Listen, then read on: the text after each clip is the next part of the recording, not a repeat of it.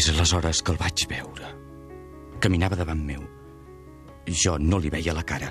Caminava a passos molt feixucs, però regulars, sense tombar-se mai. Vell obrer encorbat sota els seus 80 anys. Jo li veia l'esquena doblegada pels anys i les fatigues. Les seves espardenyes deixaven unes petjades com si hagués hagut neu, però no n'hi havia.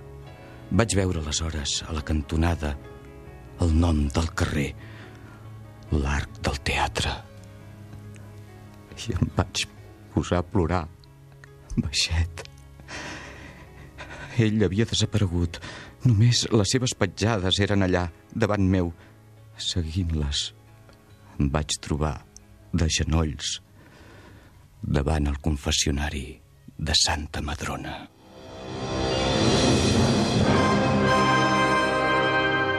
Catalunya Ràdio presenta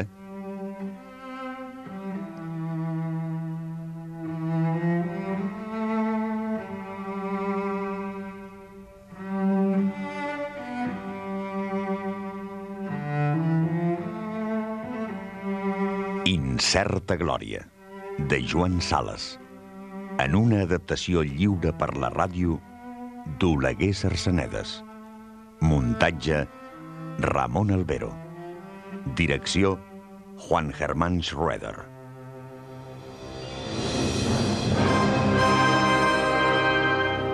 Incerta Glòria, de Joan Sales. Una producció de Catalunya Ràdio amb el suport del Departament de Cultura de la Generalitat de Catalunya. Oi que et preocupa el teu cos? Uh -huh. Oi que l'alimentes cada dia? doncs escolta, tu ets el teu cervell. I el teu cervell també l'has d'alimentar. I molt. Dóna-li el millor que hi ha.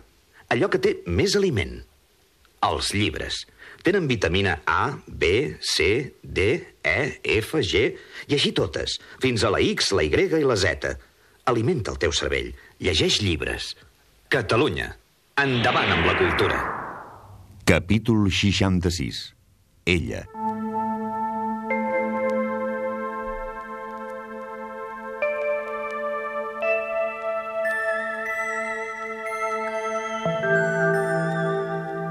Vull ser un dels teus, Senyor, un babau, un de tants entre els milions que són, han estat o seran. Vull ser un vençut i un fracassat. He envejat els que han mort a la guerra, que morint abans dels 30 anys no han traït la seva joventut, que s'han refusat d'envellir, que no coneixeran mai l'angoixa d'envellir i que no cauran mai als peus de la mentida, que és la reina del món. No hi ha més que un camí per no trair la joventut fora de morir jove. És un camí estret, tan estret que no es pot fer de bracet amb una dona. Cal fer-lo tot sol. De bracet amb una dona, com jo ho havia somniat en un moment de bogeria, seria massa bonic. El camí és estret. Cal fer-lo sol.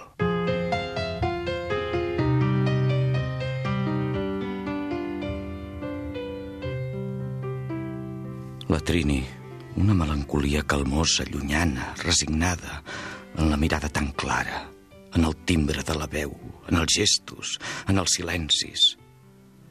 La primera de les seves vingudes va ser, si els meus records no estan embullats, dos o tres anys després d'aquella entrevista amb la moneda a la Garçonier. La seva primera visita havia estat al nínxol del seu pare, a la part alta del cementiri de Montjuïc, des d'on es veu tota l'estesa del port i, al fons, el mar lliure. És un nínxol com tots, sense cap inscripció, perdut entre les desenes de milers. Però es reconeix tot seguit per la muntanya de flors que té al seu peu.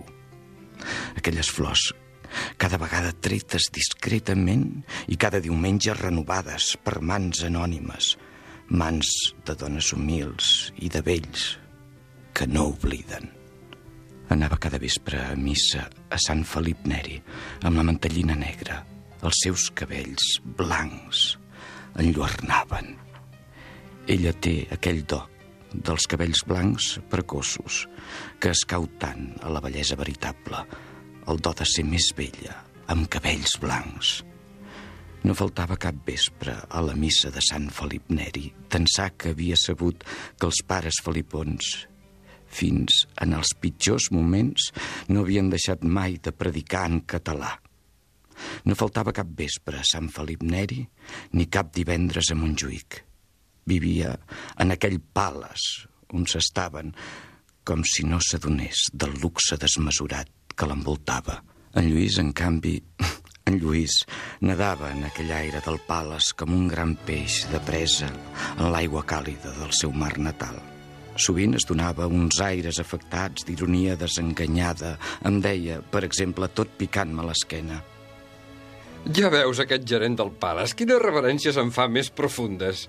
Les canviaria l'acte per una puntada de peu al cul si el taló que acabo de donar-li resultés sense provisions. Sota aquest to d'home que ja torna de tot, traspua la seva satisfacció fonamental, la seva adhesió a aquesta mamarratxada que anomenem el món. Raríssimes vegades em parlava dels seus negocis a Santiago de Xile. Intentava d'aprendre, quan me'n parlava, un to enjugassat, com si s'enfumés, però sota aquest to frívol s'endevinava una sòlida satisfacció de si mateix. S'endevinava que s'havia deixat guanyar per aquella filosofia tan pobra del cinisme mundà que fa perdre quasi totalment el sentit del sobrenatural i fins del natural. L'artifici l'havia guanyat i a despit de tot era bo, o més exactament, bonaç. En deia, per exemple, en l'eufòria que segueix a un àpat copiós, el seu desig de tornar a viure a Catalunya i de fundar-hi amb una part de la seva fortuna, així que es pogués, una institució de perfeccionament tècnic per obrers joves. Al mateix temps que hi aprendrien oficis especialitzats de primera categoria. Se'ls donaria lliçons de cooperativisme. Aquesta institució portaria el nom del meu sogre, Fundació Milmany. Havien pogut realitzar aquella primera vinguda tan desitjada i planejada de temps enrere gràcies a la ciutadania nord-americana que en Lluís havia aconseguit. El seu negoci tenia una important sucursal a Chicago. Abans d'aleshores, els que venien proveïts d'un passaport estranger els les queixaven. Ara això començava a canviar i un passaport com el seu era un parellams eficacíssim i tornava a haver relacions diplomàtiques amb els Estats Units.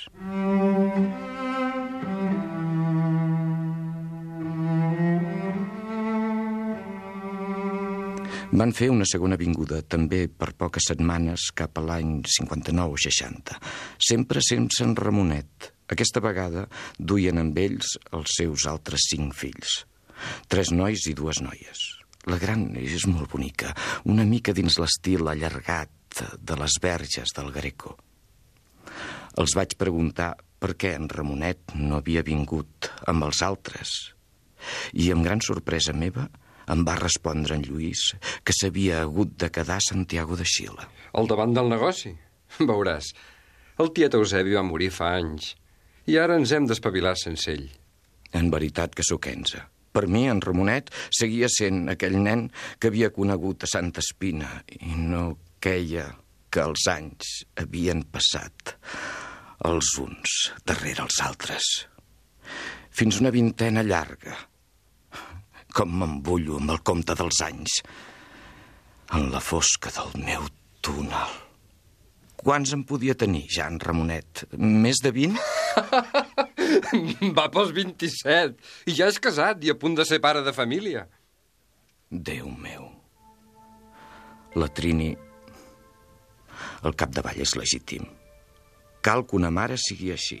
Els somnis d'una mare s'han de poblar d'armaris profuns que en les seves tenebres càlides amaguen tot de coses bones pels seus fills, flaçades ben flonges, llençols ben frescos, vestits ben suaus. els meus somnis, els meus, els meus somnis d'altre temps eren pitjor que culpables. eren estúpids. Ella fa el seu deure. Ella es deu als seus fills i als seus nets, a la família que ella ha format, a la casa confortable, la casa acollidora i tot això, tot això costa diners. I quin marit, quin pare i quin avi millor que aquest Lluís, que ha guanyat una fortuna colossal, que els posa tots a recer de les contingències de la vida? Una mare ha de témer la pobresa, l'esperit de pobresa, d'eterna joventut, de despreocupació. Només és possible amb el celibat.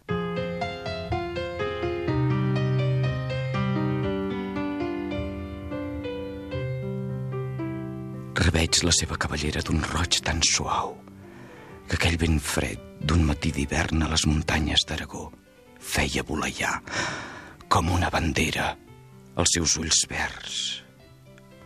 Estàvem ella, en Ramonet i jo, al peu d'una cinglera que es destacava en fosc de la neu. Una cinglera quasi vertical que la neu no podia recobrir i semblava estranyament nua enmig d'un univers tot abrigat sota aquella flonja blancor. El sol era gloriós, el fred vivíssim. Els avions enemics es dirigien cap a Terol. Volaven molt alt. De vegades arribaven a fer-se perceptibles com granets de pols quan travessen un raig de sol. Que llunyana ens semblava aleshores aquella batalla vista des del nostre racó de pau. Havíem oblidat que estàvem en guerra i que el nostre torn podia presentar-se en el moment més inesperat. Quants anys han passat des d'aleshores? Una trentena? Déu meu. També jo he fet 50 anys com un imbècil. Ve un moment que tots, grandíssims imbècils que som, arribem a aquesta carena de la vida i de sobte ens adonem que ja no som aquells que solíem ser, que ja som uns altres. La joventut ha fugit i, malgrat tot, el meu cor, quan la reveig en el record o en somnis, batega amb la mateixa fúria de les hores, a les hores que els batecs m'arribaven a privar de la paraula i quasi de la respiració, i les mans em tremolaven i em sentia el foc a la cara. Aleshores, que hauria volgut cridar. El doctor Gallifa era ell. I la veu no em sortia. El doctor Gallifa era ell, el jesuïta octogenari que ell havia conegut i que tant l'havia impressionada. Però com dir-li aleshores? Com dir-li que havia llegit d'amagat aquelles cartes?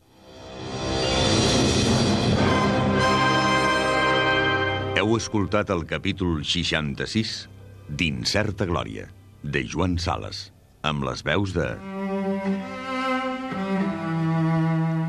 Cruells, Enric Major. Lluís, Gal Soler.